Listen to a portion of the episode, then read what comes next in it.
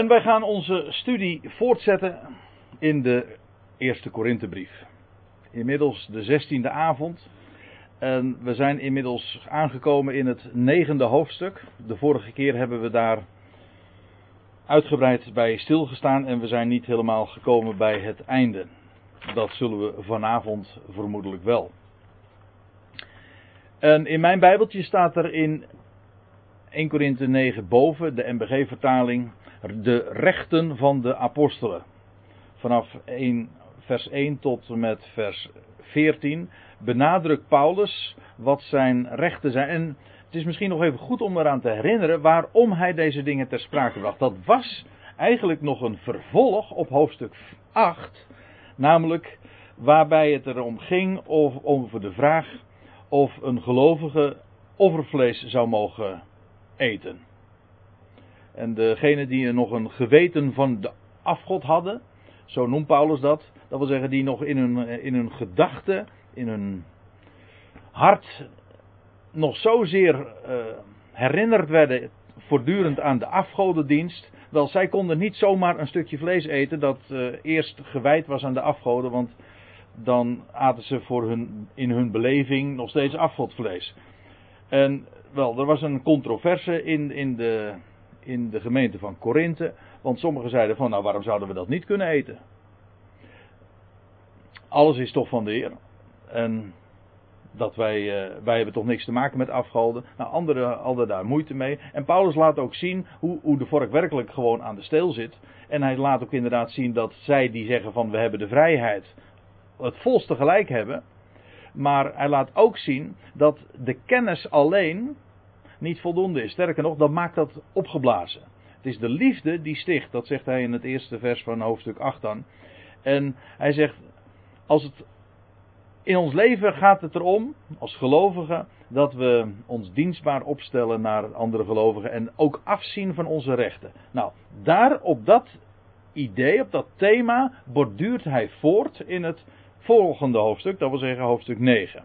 En hij laat ook zien dat Paulus, eh, dat hij zelf ook altijd heeft afgezien van zijn rechten. En in dit hoofdstuk gaat het er dan vooral over dat iemand die het evangelie predikt, dat was de regel, in vers 14 lees je dat, zo heeft ook de Heer voor de verkondigers van het evangelie de regel gesteld dat zij van het evangelie leven. Dat is, dat is weliswaar een normale gegeven, een regel, maar Paulus zegt en benadrukt dat hij nooit op dat recht heeft gestaan. Hij heeft dat nooit geclaimd.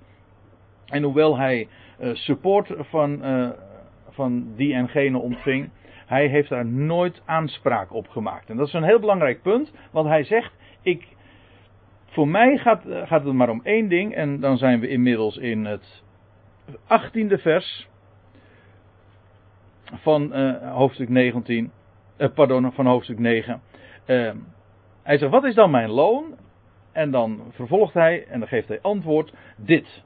Door mijn evangelie, prediking, het evangelie om niet te mogen brengen. En zo van mijn bevoegdheid als evangelieprediker geen gebruik te maken. Dat wil zeggen, hij zag af van zijn rechten, af, hij zag af van, van, van wat hij menselijkerwijs ook zou kunnen claimen. Wat de Heer ook als regel had gesteld. Maar waarom? Het ging hem allemaal om het evangelie om niet te mogen brengen. En dat is, we hebben dat de vorige keer ook gezien. En misschien is dat dan de, de schakel ook tussen de voorgaande avond en waar we nu eh, het in gaan voortzetten. Dat als hij zegt, ik wil het evangelie om niet brengen, dat is dubbelzinnig. Hij bedoelt, daarmee, ik breng het evangelie om niet. Dat wil zeggen, het, het evangelie zelf is een boodschap om niet, gratis. God geeft, hij geeft en hij geeft overvloedig en hij maakt ons rijk. En hij vraagt er helemaal niets voor. Je krijgt het allemaal gratis voor niks. Dat is het evangelie. Maar hij zegt, wat is er nou mooier dan als ik die boodschap breng, om daar ook helemaal niks voor te vragen en om dat gewoon te geven. En, en uh, bij gelegenheid, en dat was Paulus' eigen levensinstelling ook, als het nodig is, dan voorzag hij gewoon in zijn eigen levensonderhoud. En uh, hij heeft daar nooit moeilijk over gedaan. Hij ontving geen salaris. Hij, hij leefde let, echt werkelijk ook uit de hand van de Heer. Nou, dat was het uh, 18e vers. En dan waren we al even aangekomen in het negentiende vers. Maar daar heb ik. Even scherp stellen. Daar heb ik al wel wat over gezegd, maar het lijkt mij goed om hier dan de draad weer op te pakken. Want dan zegt hij dit. Want hoewel ik vrij sta tegenover allen. Paulus. Uh, dat was juist Paulus' uh, prediking. Niet alleen de vrijheid die hij had, maar de vrijheid van de gelovigen in het algemeen. Hij zegt: Ik sta vrij tegenover allen. Hij zegt: Ik heb mij. Hoewel dat zo is, hij zegt: Heb ik mij aan allen dienstbaar gemaakt. Letterlijk zegt hij: Heb ik mij aan allen geslaafd. Hoe, waarmee hij dus aangeeft dat het hem helemaal niet om zichzelf ging. Dus denk ik ook een van de dingen. Trouwens, dat zie je in, al, al veel eerder in de brief ook. Dat was Paulus' instelling. En eigenlijk is dat ook het verschil tussen een kind en een volwassene.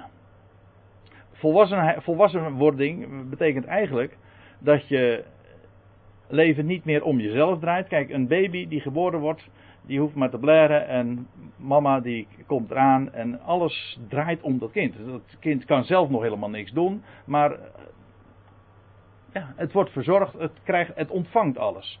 Als je eenmaal groter wordt, dan ga je steeds meer, en het is een proces, ga je op eigen benen staan en dan ga je leren denken. Niet meer van wat kan de wereld of wat kan mijn omgeving of wat kunnen de mensen voor mij betekenen, maar volwassenheid wil zeggen dat je gaat redeneren van wat kan ik in het grote geheel betekenen voor anderen. Dat is, dat is eigenlijk het grote verschil is een van de verschillen tussen een kind en een volwassene. Wel, Paulus, en eh, al eerder had Paulus, dat was 1 Korinthe 3, had hij uh, al tegen de Corinthiërs gezegd dat ze nog eigenlijk baby's waren. Onvolwassen, onmondig. En dat, dat blijkt eigenlijk ook, uh, ja, dat loopt als een rode draad ook door de brief. Hij brengt hen tot volwassenheid. Maar dat betekent ook dat je gaat leren, dat je gaat leren zien en verstaan dat het niet in het leven gaat, in, in de wereld gaat het niet om mij, maar het gaat om Hem. Daar komt geloof ik de grote baas thuis. Ja. Het gaat om Hem. En, en Paulus uh, zegt dat ook hier. Hij zegt: Ik heb mij voor alle dienstbaar, opge, uh, voor alle dienstbaar gemaakt, geslaafd. om er zoveel mogelijk te winnen. En hier hebben we een term dat de sleutel is tot de rest van deze, van deze passage. Er komen nog een heleboel mensen binnen, lijkt wel. Ik zei zojuist dat het er, dat, dat woord winnen een, een sleutelrol speelt in, uh, het, de, in de rest van dit hoofdstuk. En hij gaat dat uh, dan vanaf vers 20 uh, eh, ook, ook toelichten. Winst, het winnen. En dan zegt hij dit in vers 20: Ik ben voor de Joden geworden als een Jood om Joden te winnen. Nou, is dit voor Paulus, die zelf een Jood was, op en top Jood, niet zo uh, moeilijk natuurlijk, want het was zijn hele achtergrond. Hij was Joods. Maar goed, inmiddels was Paulus, uh, hij was geroepen en uh, hij was een apostel van de natieën geworden. En, en Paulus stond daarin ook vrij. Dat laat hij in dit gedeelte ook heel duidelijk zien. Hij zegt, ik ben voor die, hij zegt, en dus paste hij zich aan aan de Joden, mocht dat nodig zijn, aan de Joodse gebruiken. Het gaat niet over de leer dus, het gaat ook niet over, over moraal, maar het gaat over, over de gebruiken. Hij zegt: Ik pas me aan aan de Joodse gebruiken als dat nodig is. Waarom? Wel, het ging om de winst. Als ik Joden zou winnen. Hij zegt dan vervolgens hun die onder de wet staan. Feitelijk zou je kunnen zeggen dat dit hetzelfde is als dat. Hoewel je zou ook nog kunnen verdedigen dat dit vooral meer, dat het woord Jood meer aanduidt het. Uh, het volk, het, eh, het, nationale bewustzijn als, als een Jood. Iemand van de Joodse natie en dat hun die onder de wet staan is meer een godsdienstige, een religieuze aanduiding. maar goed, uh, u begrijpt, het sluit wel heel erg op elkaar aan. Hij zegt, ik ben voor de Joden een Jood, als een Jood geworden. Om, waarom? Om Joden te winnen. Hun die onder de wet staan, als onder de wet. Let op, als onder de wet. En dan zegt hij dan, dat verklaart hij nader, hoewel persoonlijk niet onder de wet. Moet u nagaan, dit zegt dus hij die ooit als, uh, nou ja, op en top Jood in een Farisees gezin groot geworden was. En die een ijveraar was voor de wet. Hij zegt: Ik ben persoonlijk niet onder de wet. Die uitdrukking uh, vind je nogal eens een keertje onder de wet. Oh, daar kom ik straks op de volgende dia nog even over te spreken. Maar hij zegt, uh, hoewel persoonlijk niet onder de wet. En de schriftplaatsen die ik hieronder heb staan, dat zijn allemaal voorbeelden waarin je dat ook gedemonstreerd ziet. Uh, voorvallen uit het uh, boek Handelingen. Handelingen 16 vers 3, dus kijk het maar eens na. Dan lees je dat Paulus, uh, waar was het, in Derbe, Lystra, komt en dat hij dan Timotheus laat besnijden. ter, en dan staat er nog heel uitdrukkelijk zelfs bij. Laat ik het even lezen. Ik heb geen diaatje ervan. Ehm, dan zegt hij. Ja, ik kwam in Derbe. Uh, uh, vers 1 van Handelingen 16. En hij, Paulus, kwam ook te Derbe en te Lystra. En zie, daar was een zeker discipel genaamd Timotheus. Dat is de, uh, over hem hebben we het. De zoon van een gelovige Joodse vrouw. Dus naar Joodse maatstaven, dus zelf ook een Jood. En dan staat er, maar van een Griekse vader. En hij stond goed bekend bij de broeders van Lystra en Iconium. En Paulus wilde dat deze uh, met hem zou gaan. En hij nam hem tot zich en besneed hem, en er staat erbij, ter wille van de Joden in die plaatsen. Want iedereen wist dat zijn vader een Griek was. Dus Paulus deed het dus niet uit zijn uit persoonlijke motieven, niet voor zichzelf, omdat hij dat van belang vond. Eh, hier zegt hij het ook, ik ben persoonlijk helemaal niet onder de wet. Dat is, zijn gebruiken allemaal tot je dienst, maar dat ligt inmiddels voor mij achter mij. Maar hij deed dat ter wille van de Joden. En dit is een schitterend voorbeeld dat illustreert wat hij hier ook zegt. Dat wil zeggen, hij was daarin zeer ruimhartig. En, maar waarom? Omdat hij maar één focus had en dat is om hen die onder de wet zijn, trouwens iedereen, om allen te winnen. Dus ook, en als, en als dat dan nodig was, wel, dan voegde hij zich naar de gebruiken van de wet. Geen enkel probleem. Het lag ook trouwens heel dicht bij hem.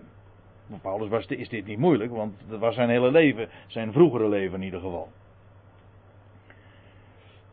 En uh, de voorbeelden die u hier ziet, handelingen 17, lees je dat hij naar zijn gewoonte ging. Hij, naar zijn eigen gewoonte ging hij ook op de Sabbat naar de, naar de, naar de synagoge. Uh, in handelingen 21, ligt nog vers in mijn geheugen, daar lees je dat hij in Jeruzalem komt. En dan gaat hij naar de tempel zelfs. En dan voorziet hij zelfs uh, in de kosten van die andere mensen maken vanwege een bepaalde Joodse gelofte. Nou ja, ik zal niet in details treden, het doet ook niet de zaak. Het gaat er vooral even om dat hij zich gewoon maximaal conformeerde, aansloot bij Joodse gebruiken. Om, of in dit geval meer specifiek uh, bij gebruiken van mensen die onder de wet staan. Allemaal met één oogmerk en dat is om ze te winnen. En dat we, kijk, nog even eh, om dat ook scherp te krijgen. We zullen het straks trouwens denk ik nog wel een keertje duidelijker zien. Maar om, het, eh, om al even of, om alvast een schot voor de boeg te geven.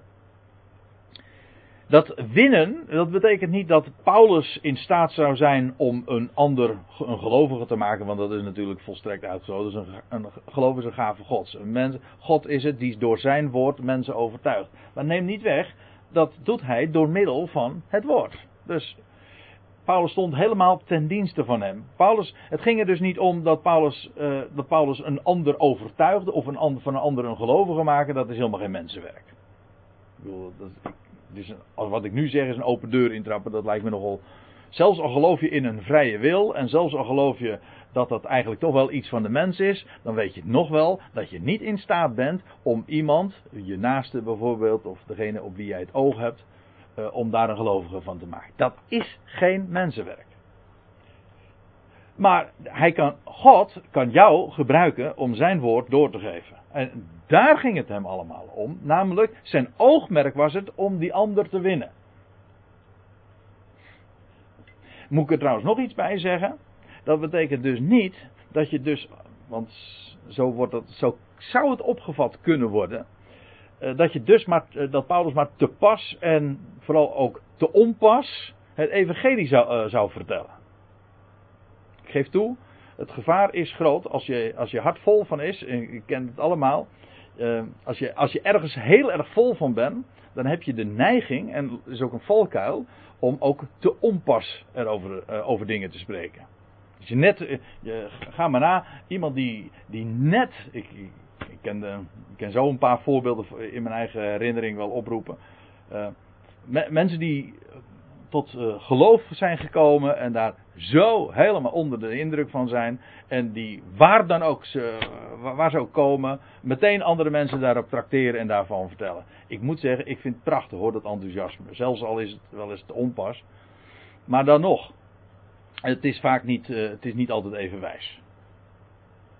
En de meest wijze instelling daarbij is, uh, wat, uh, wat Paulus ook in, in de Colossensebrief schrijft, dat is dat we aan een ieder het juiste antwoord geven. Dat wil zeggen, wanneer spreek je over het evangelie met iemand? Nou, gewoon wanneer er naar gevraagd wordt. Of wanneer de, nee, laat ik het anders zeggen, wanneer de gelegenheid zich voordoet. In de praktijk is dat vooral als er naar gevraagd wordt. Ja, als het ter sprake komt, dat is een gelegenheid om erover te spreken. Maar dat wil niet zeggen dat je zomaar, eh, terwijl er helemaal geen enkele aanleiding is, dat je een ander meteen maar vertelt van het evangelie. Dat is vaak ook gewoon niet wijs. Sterker nog, als je echt uit bent om de ander te winnen, dan kan het soms juist veel wijzer zijn en om te zwijgen. Dus dat winnen, kan, dat hoeft niet eens te betekenen dat je erover spreekt. Natuurlijk, een ander kan je nooit winnen door, uh, als die, als die niks te horen krijgt. En geloof is uit het gehoor. Maar dat wil niet zeggen dat je altijd maar erover spreekt. Dat uitgaan van dat, dat winnen, die mentaliteit van een winnaar. Dat uh, kan ook net zo goed betekenen dat je weet te zwijgen. Het is wijs, ook daarvoor is wijsheid nodig. Hoe zegt Paulus dat? Ik, ik, ik, eh, haalde het vers net aan, maar ik wist even niet meer precies hoe hij dat dan zegt.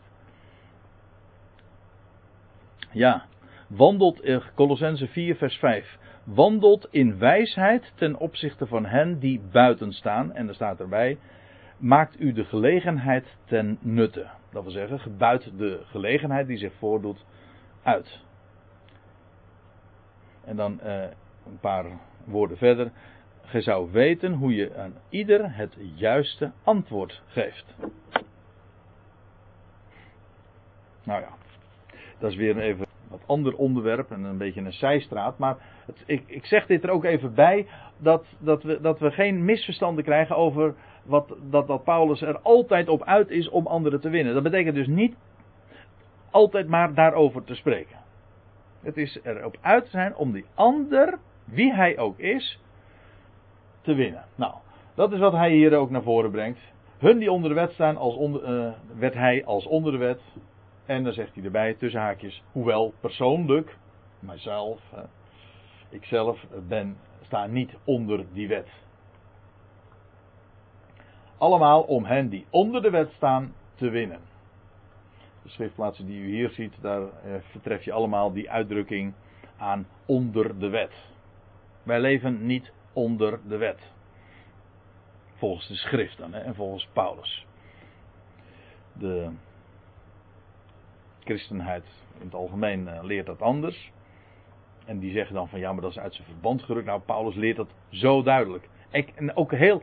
Uh, dit vind ik trouwens even een, een, in 1 Corinthië 9 een prachtig, praktisch voorbeeld. Waar Paulus uh, ook gewoon inderdaad illustreert en demonstreert dat hij persoonlijk niet onder de wet staat. Hoewel hij dikwijls zo leefde, maar dat was slechts om anderen te winnen. Hier zegt hij expliciet: Ik zelf leef niet onder de wet. Dat wil zeggen, ik ben niet verplicht om de gebruiken en dergelijke uh, te, van de wet van Mozes te onderhouden. Goed. Winst. Winnen. Dat is iedere keer waar het eh, in, dit vers, in deze versen over gaat. Hun die zonder wet zijn, vers 21, ben ik geworden als zonder wet. Dus hen die onder de wet zijn, is hij geworden als, als onder de wet. En hun die zonder wet zijn, ben ik geworden als zonder wet. Het woord wat hij hier gebruikt, zonder wet, dat is uh, het woordje wat elders vertaald wordt met wetteloos. En het kan een hele negatieve betekenis zelfs hebben. U, kunt, komt het woord tegen hier om al deze schriftplaatsen. 2 Thessalonica 2 vers 8 gaat het over de wetteloze. Die zich in de, wet, in de tempel God zal zetten. Eh, maar het is hetzelfde woord. Hetzelfde woord. Zonder wet.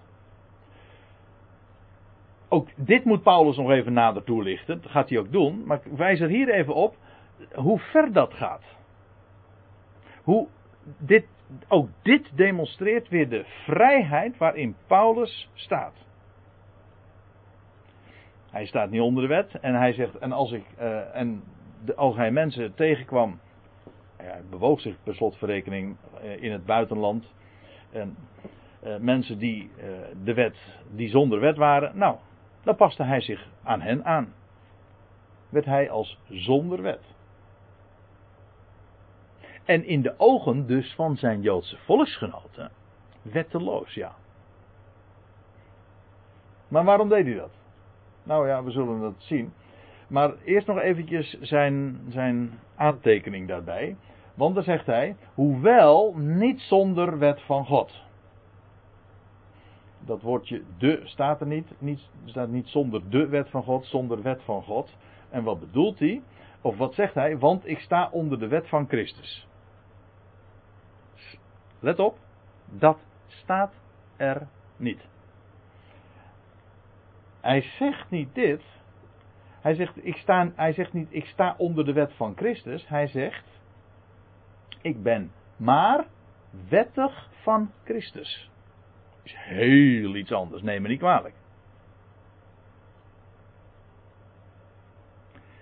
En ook veel mooier, als u het mij vraagt.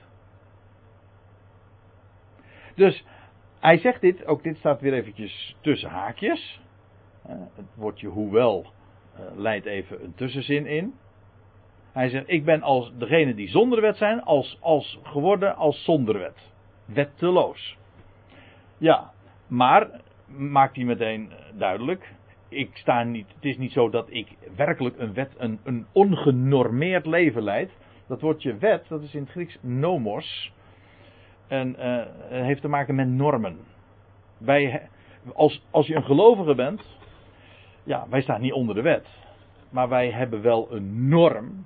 Dat wil zeggen, wij denken gewoon vanuit de norm, dat is de schrift. Dus als er één, uh, als één ding duidelijk is, dan, heeft, uh, dan, dan is het wel dit: dat ons leven genormeerd is.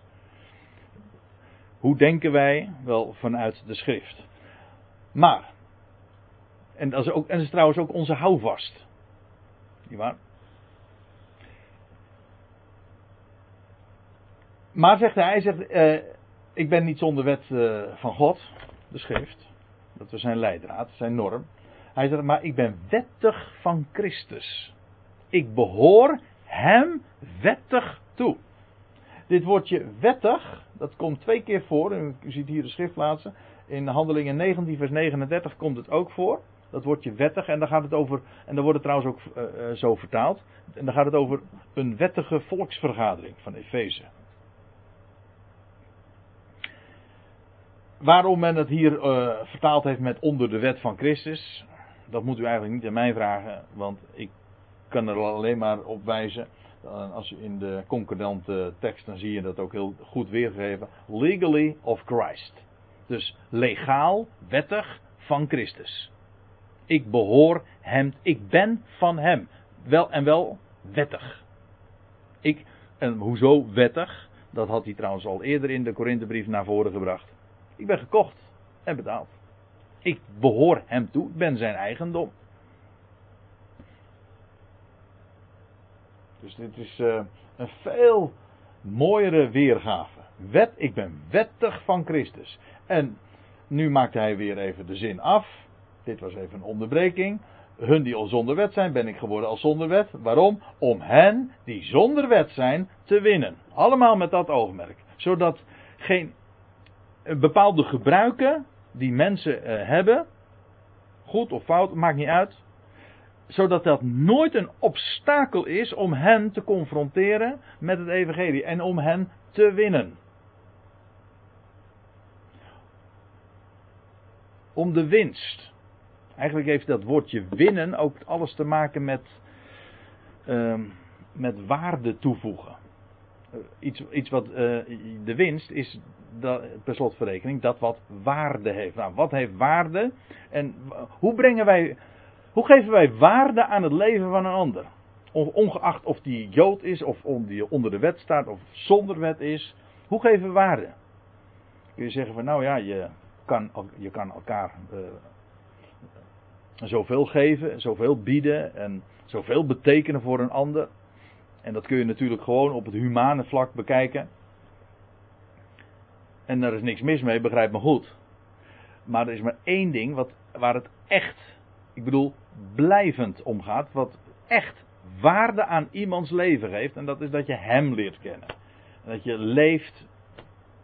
Dat je leven waarde werkelijk krijgt.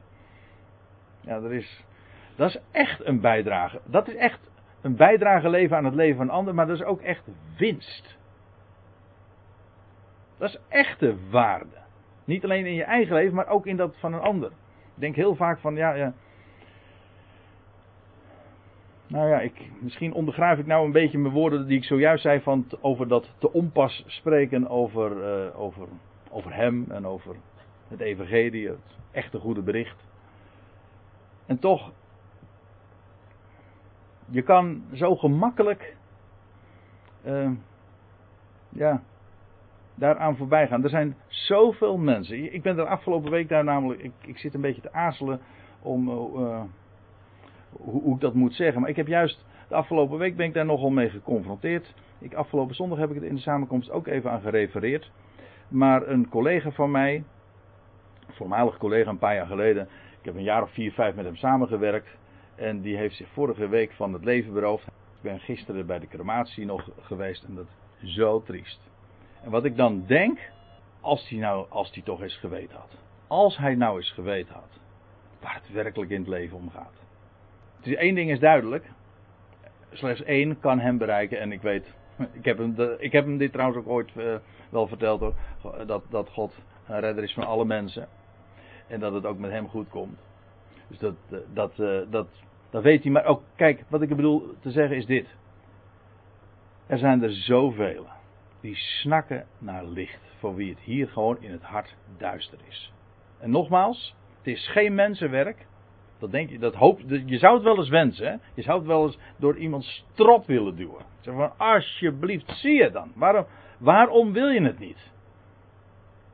Ja. Vertel het. En schroom niet om het inderdaad te, te zeggen, want uh, er zijn er zoveel die in duisternis tasten. En hoeveel, hoeveel waarde kun je ook daadwerkelijk dan toevoegen aan iemands leven? En dan merk ik heel vaak, ook als, als iemand niet het hart daarvan geopend wordt, je merkt altijd, dat is mijn ervaring, dat als je spreekt over God, die alles plaatst, en die alles in zijn hand heeft, die alles tot een goed einde brengt, Zelfs als iemands hart niet geopend wordt. Ik, hoop dat u begrijpt wat ik bedoel. Zelfs als iemands hart niet geopend wordt. Je, ze merken. Als dat waar is. Dat dat toch wel heel geweldig groot is. Ik moet denken aan een gesprek dat Peter een keertje had met een Joodse koopman in Leiden. En die man die zei. Uh, Peter had ook zo verteld over. Ja, wat zij wist. En toen. Uh, nou, die man had ook nogal wat meegemaakt in eh, de oorlog. En toen zei hij tegen. Ik wou de en hij zag, hij zag de ogen van Petra stralen. En hij zegt: Ik wou dat ik het ook kon geloven. En ja, dat is wat ik bedoel. Eén ding is namelijk onmiskenbaar als je het evangelie, het echt goed bericht vertelt. Niet iets van wat een ander moet doen, want dat is geen goed bericht. Nee, een echt een bericht, een mededeling. God houdt van jou, hij is jouw schepper, hij is jouw redder, hij brengt alle dingen tot een goed einde. De prijs is voor jou betaald. Als je dat vertelt, dan kan een mens er niet onderuit dat het inderdaad, ook al kan hij het niet geloven, al kan hij het niet omarmen, dan nog kan hij er niet onderuit dat het inderdaad iets geweldigs is. En er kunnen er allerlei eh, redenen zijn waarom, waarom die inderdaad hij of zij afhoudt. En nogmaals, dat is aan God. Om de, al die uh, weerstanden te doorbreken. Maar ik vind het geweldig om, uh, om dat inderdaad ook te vertellen. Dat is, dat is ook winst. Waarde toevoegen. Ik heb ooit geleerd, de essentie van, van rijkdom is, en rijk worden is, dat je waarde toevoegt aan. Een rijk leven is dat je een ander ook rijk maakt. En ik had het er eh, net nog even over. Het gaat, er niet, het gaat niet om onszelf. Nee, ons eigen geluk. Als ik maar happy ben. Nee, daar gaat het helemaal niet op. Maar het mooie is wel. Dat zegt, er zijn ook woorden van de apostel Paulus. In Handelingen 20 lees je dat. Dat juist als het je instelling is om je dienstbaar aan anderen te, te stellen. Juist dat is geluk. Het is gelukkiger te geven dan te ontvangen. Nou ja, dat zijn zomaar wat van die uh, mijmeringen die ik heb als ik zo, zulke woorden lees. Paulus ging het erom om anderen te winnen, wie zij ook waren. Ik ben voor de zwakken zwak geworden. De schriftplaatsen die u hier ziet, daar vind je er, uh, daar wordt daar ook aan gerefereerd in hoofdstuk 8 had hij het juist ook over zwakken. Zwakken, mensen die nog zwak zijn vanwege hun uh, recente ommekeer in hun leven, maar daardoor, waardoor ze nog erg vastzitten in hun denken, in hun hart, aan hun vroegere leven. Dan moet je niet een, een ander kwalijk nemen. Hij zegt, ik ben voor de zwakken zwak geworden om de zwakken te winnen.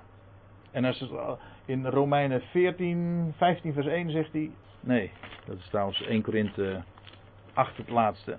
Hij zegt, als het, er, als het er nou helemaal om gaat, hij zegt, dan zou ik zelfs eh, in, in de, tot in de aion geen vlees meer eten.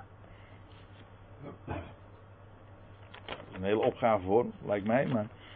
Hm?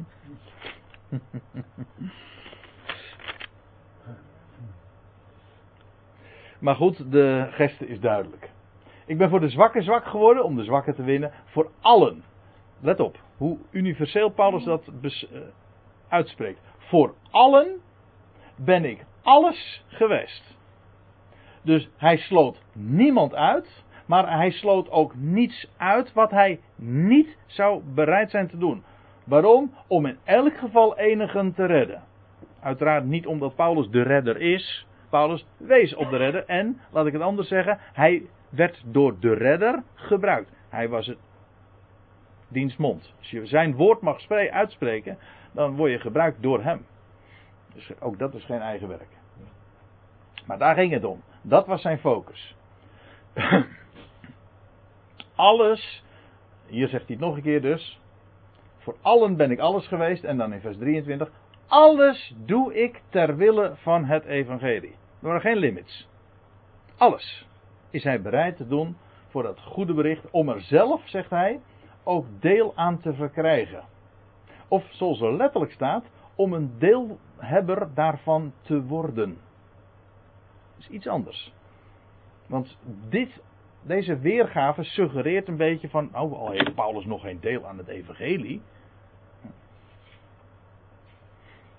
In een bepaald uh, denkstramien waarin de onzekerheid altijd gepromoot wordt en je kan nooit zeker zijn dat, dat je er deel aan hebt, kan ik me voorstellen dat men dat, dat, dat, men dat zo dan vertaalt en weergeeft en opvat. Maar dat is niet wat hij zegt. Hij zegt, ik doe alles ter wille van het evangelie. Waarom? Omdat ik, hij zegt, om een deelhebber daarvan te worden. Dat wil zeggen, eh, dat ik zelf een deelhebber ben aan het evangelie. Dat wil zeggen, dat ik zelf gebruikt word om het evangelie door te geven. Niet dat deelhebber staat, uh, is het tegenovergestelde van de toeschouwer. En expres gebruik, uh, gebruik ik nu ook deze woorden, omdat hij het nu in het vervolg ook gaat hebben over wedstrijden. Kijk, je kunt, aan een, je kunt aan de kant staan, langs de zijlijn. En dat zijn altijd de mensen die het het beste weten. Dat zijn de supporters. Maar degene die in het veld staan, of degene die in de renbaan rennen, ja, die, die leveren het echte werk. Die, ja, die, die hebben deel aan de strijd. Nou, dat is wat Paulus hier zegt. Hij zegt, ik wil maar geen toeschouwer zijn. Nee, hij zegt, ik wil zelf een deelhebber zijn, zodat ook ik gebruikt word om dat geweldige bericht van hem door te geven. Want daarover heeft hij het, het evangelie. Hè? Let op. Wat ik uh, zojuist al zei. Nou gaat hij uh, de voorbeelden gebruiken van, van een wedstrijd. Weet gij niet. Weer zo'n typische uitdrukking die Paulus al heel veel keren in de Korinthebrief had uitgesproken. Iedere keer refereert hij aan dat wat, hij, wat ze geacht werden te weten. Weten jullie, weten jullie niet, meervoud, dat zij die in de renbaan lopen, een stadion, ons woordje sta, u ziet het hier trouwens, ons woordje stadion komt ook rechtstreeks uit het Grieks. Heeft ook nog met stadium te maken, is een, een loopafstand. Dus ik, ik heb het niet even nagekeken, maar als ik me niet vergis is het 185 meter. Maar hou me ten goede. Maar in ieder geval, dat was, het is eigenlijk dus een, uh, een lengtemaat. Een maateenheid. Uh, weet, jullie niet dat zij die in zo'n stadion uh, rennen, want dat is wat, er staat niet lopen, maar rennen, allen wel lopen, maar dat slechts één de prijs kan ontvangen? Dat is logisch. Eén krijgt de hoofdprijs. En ook dit zou zomaar weer de uh, een misverstand kunnen oproepen. Zeg van, oh, is het dus zo dat wij allemaal als gelovigen in de renbaan staan en slechts één ervan krijgt de prijs. Maar dat is niet wat Paulus hier uh, naar voren brengt. Dit is namelijk het beeld. In de renbaan is het zo dat allen lopen, maar slechts één krijgt de prijs. En al die mensen die daar lopen, die gaan voor één ding en dat is voor de hoofdprijs, voor het goud. Nou, en dan zegt hij, loop dan zo dat gij die behaalt.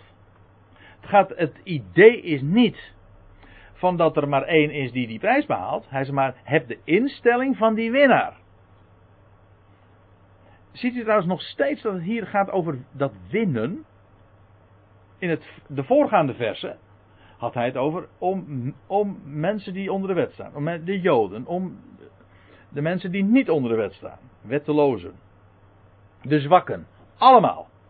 Wilde hij winnen. En waarom gebruikt hij nou dit beeld van die renbaan? Wel, hij zegt, het gaat om de winst. Loop dan zo, of letterlijk ren zo, dat gij die behaalt. Dus uh, het is de, de instelling dat je gaat voor de winst.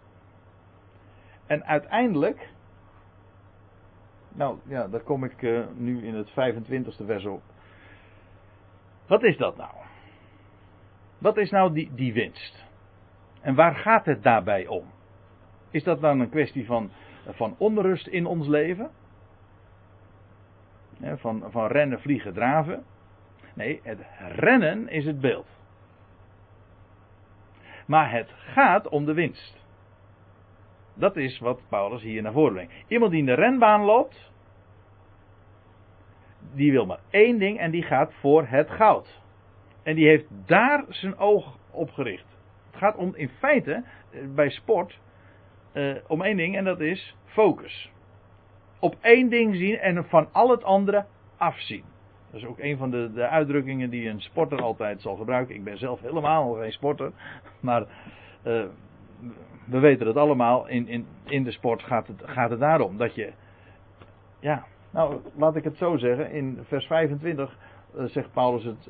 Formuleert hij het zo. En al wie aan een wedstrijd deelneemt. Al die. die ja, dat is eigenlijk één woord. al wie aan een wedstrijd deelneemt, beheerst zich, is in alles. Dat is ook, dat is inderdaad ook van het uiterste belang. Als je maximaal resultaat wil halen, dan zal je in alles beheersen. En wat doet zo'n sporter? Die heeft maar één ding is die gericht. Zij, zegt hij, om een vergankelijke erekrans te verkrijgen. Wij om een onvergankelijke. En dan krijg je toch een vraag. Ik kan me zo voorstellen dat als, we, als je hier zo zit en, denk je, en je hoort dit zo aan en je ziet zo die teksten voorbij komen, dat je denkt van, uh, hoe zit dat nou? Is er daar nou toch nog weer wat te verdienen? Is het dan niet allemaal genade? Wat zou het zijn? Sorry? Het is alles genade. Wat bedoelt Paulus dan met die winst? Die heb je. Die winst. Als je genade. Als je naar dat doel streeft, bezit je het nu al. Ja. Als je nu je oog daarop gericht hebt, want daar gaat het hier ook over. Het gaat over die, ons leven, wordt vergeleken met een renbaan. En waar gaat het nou om? In het leven, wel, Paulus had het al gezegd, dat het maar om één ding gaat. En dat is, hij zegt, doe alles ter wille van het evangelie. Het gaat maar om één ding, het evangelie. En al het andere is volstrekt daaraan ondergeschikt. Daarop heeft hij het oog gericht. Zoals een, iemand die in de renbaan uh, loopt, rent, op één ding zijn oog gericht heeft. En dat is die erekrans. De hoofdprijs. Dat wil hij. En het beeld, dit is uiteraard beeld. Maar het spreekt ervan dat het in het leven maar om één ding gaat. Dat is trouwens uh, niet alleen maar een Paulinische waarheid, maar je vindt hem heel de Bijbel door. Eén ding. David zei, het al in Psalm 27. Eén ding, één ding heb ik van de Heer begeerd. En wat zei uh, de heer Jezus tegen Maria, Martha? Martha maakte zich bezorgd over vele dingen. Dat is ook uh, in, de praktijk waar we de, uh, heel vaak mee te maken hebben. We denken dat dit belangrijk is, dat belangrijk is.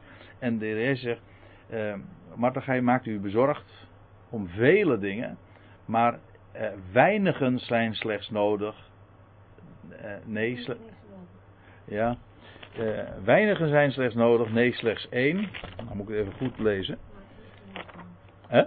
Maar één ding is nodig. Eén ding, ja. Uh, Maria, Martha. Martha, Martha. Als je naam twee keer genoemd wordt, hè? Dan weet je het wel. Martha, Martha, gij maakt u bezorgd en druk over vele dingen, maar weinigen zijn, zijn nodig, of slechts één. Want Maria heeft het goede deel uitgekozen. Dat zal van haar niet worden weggenomen. Over onvergankelijk gesproken. Wat deed Maria? Was die aan het rennen, vliegen, draven? Nee, helemaal niet. Maar het ging om één ding. Om één ding. Namelijk dat woord dat onvergankelijk is. En daar heeft Paulus het hier ook over. Dus als ik nu even naar Lucas 11 verwijs. Die geschiedenis van Maria en Martha. Dan is dat niet zomaar een, een, een heel ander gedeelte. In wezen is dat exact hetzelfde. Het gaat om één ding. Zijn woord. En dat is ook zijn, dat is, en zijn woord, dat heeft niet te maken met wet, want hij vraagt niks van ons. Hij geeft. Maar daar het oog op gericht hebben. En een ander daar ook op te wijzen. Want dat is het enige wat, als je werkelijk wat wil betekenen voor een ander, wijs naar boven. Wijs naar het, ja, en daarmee dus naar het woord, maar het woord wijst ons naar boven. En wat onvergankelijk is, en wat niet van waarde, uh, wat nooit minder wordt. Trouwens, dat had David, David die zei dat, ik, ik, verwees net even naar Psalm 27, van één ding heb ik van de Heer begeerd. En dan zegt, en wat was dat dan? Om de liefelijkheden van de Heer te aanschouwen in zijn tempel. Maar dat is ook zijn woord. Daar aanschouw je de liefelijkheden van hem. En Paulus zegt het trouwens ook. Eén ding. Eén ding doe ik. Hey, nou ik het zeg, eh, denk ik er eens aan dat het in Filippenzen 3 staat. En dan zegt hij, dan gebruikt hij namelijk ook het beeld van die uh, renbaan. Ja. Dan zegt hij in vers uh, Filippenzen 3, vers 12. Niet dat ik het reeds zou verkregen hebben of reeds volmaakt zou zijn, maar jaag ernaar. Of ik het ook grijpen mocht, omdat, ik ook door, omdat ook ik door Christus Jezus gegrepen ben. Broeders, ik voor mij acht niet dat ik het reeds gegrepen heb, maar één ding doe ik. Vergetende hetgeen achter mij ligt en mij uitstrekkende naar hetgeen voor mij ligt, jaag ik naar het doel om de prijs, heb je het weer. De prijs van de roeping Gods die van boven is in Christus Jezus. Nou, het gaat me nu vooral even om die tweede, om die, om zowel dat element van één ding doet hij, en dat is in het leven afzien van al het andere en daarna jagen. De prijs, het, het doelwit.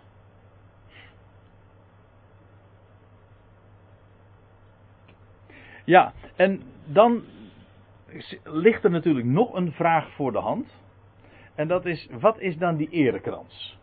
Kijk, hier is het, wordt, hij, wordt het beeld gebruikt van een, van een erekrans. In het Grieks staat daar Stephanos. Een woord dat wij allemaal kennen, omdat we het terug herkennen in eh, de naam Stephanus. Maar dat betekent een erekrans. Als u trouwens, ik heb hier een, eh, even een concordantie. Concordant view heet dat. In het uh, ISA-programma. En dan zie je hoe vaak het woord voorkomt. En hier, hier ziet u alle voorkomens van dat woordje Stefanos. Hier ziet u ook hoe het in de MBG-vertaling wordt weergegeven. Het wordt heel dikwijls ook weergegeven met kroon. Maar het is een krans. Het woord kroon is namelijk weer iets anders. Ik geef toe, de betekenissen liggen dicht bij elkaar. Zoals in de Nederlandse uitspraak, kroon en krans. Uh, verschilt nog niet zo heel erg veel.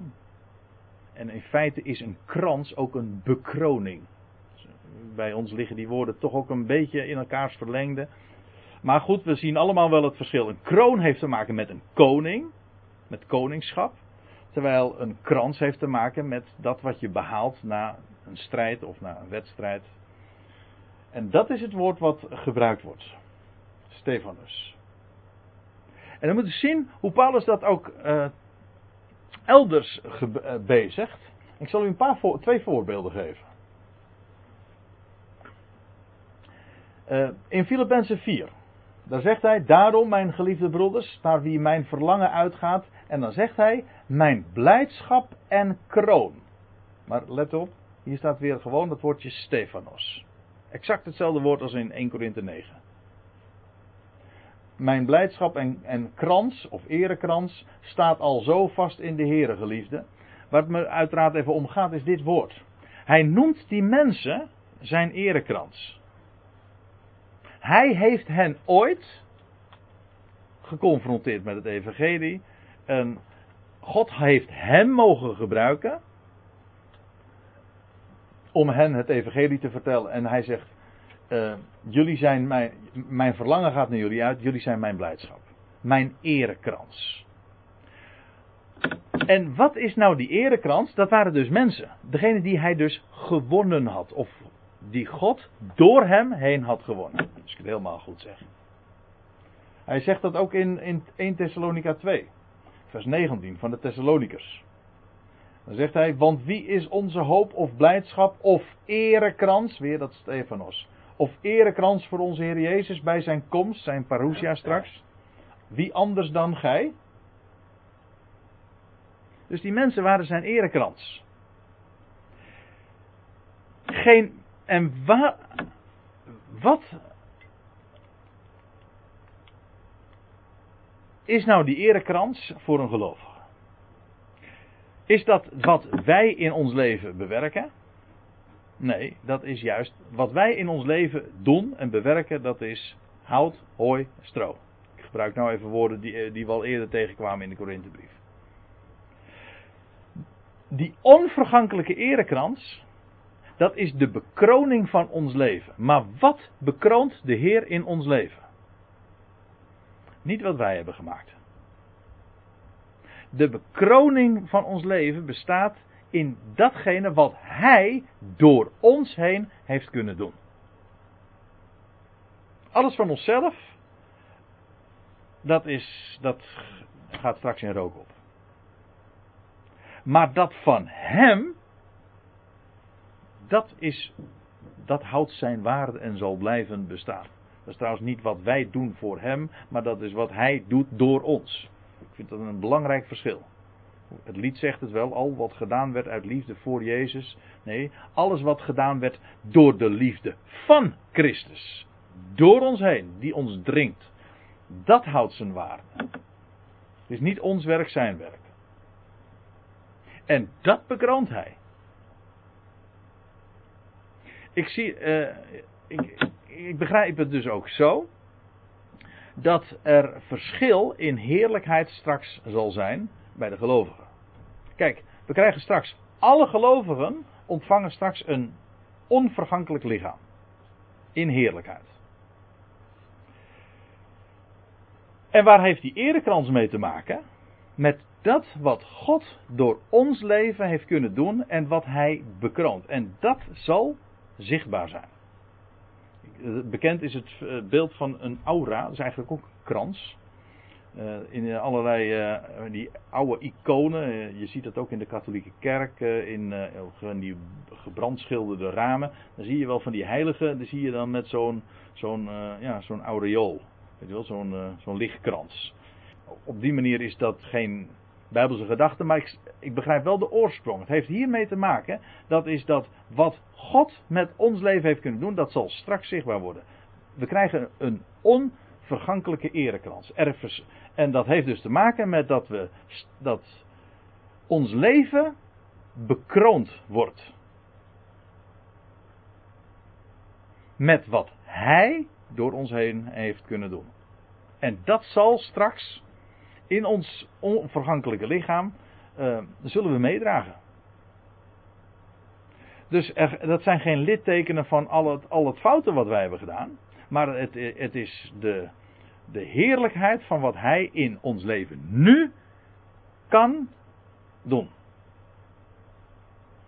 En wanneer, en dat is waar Paulus het hier ook over heeft. Wanneer doet Hij dat? Wanneer wij ons oog alleen op Hem richten.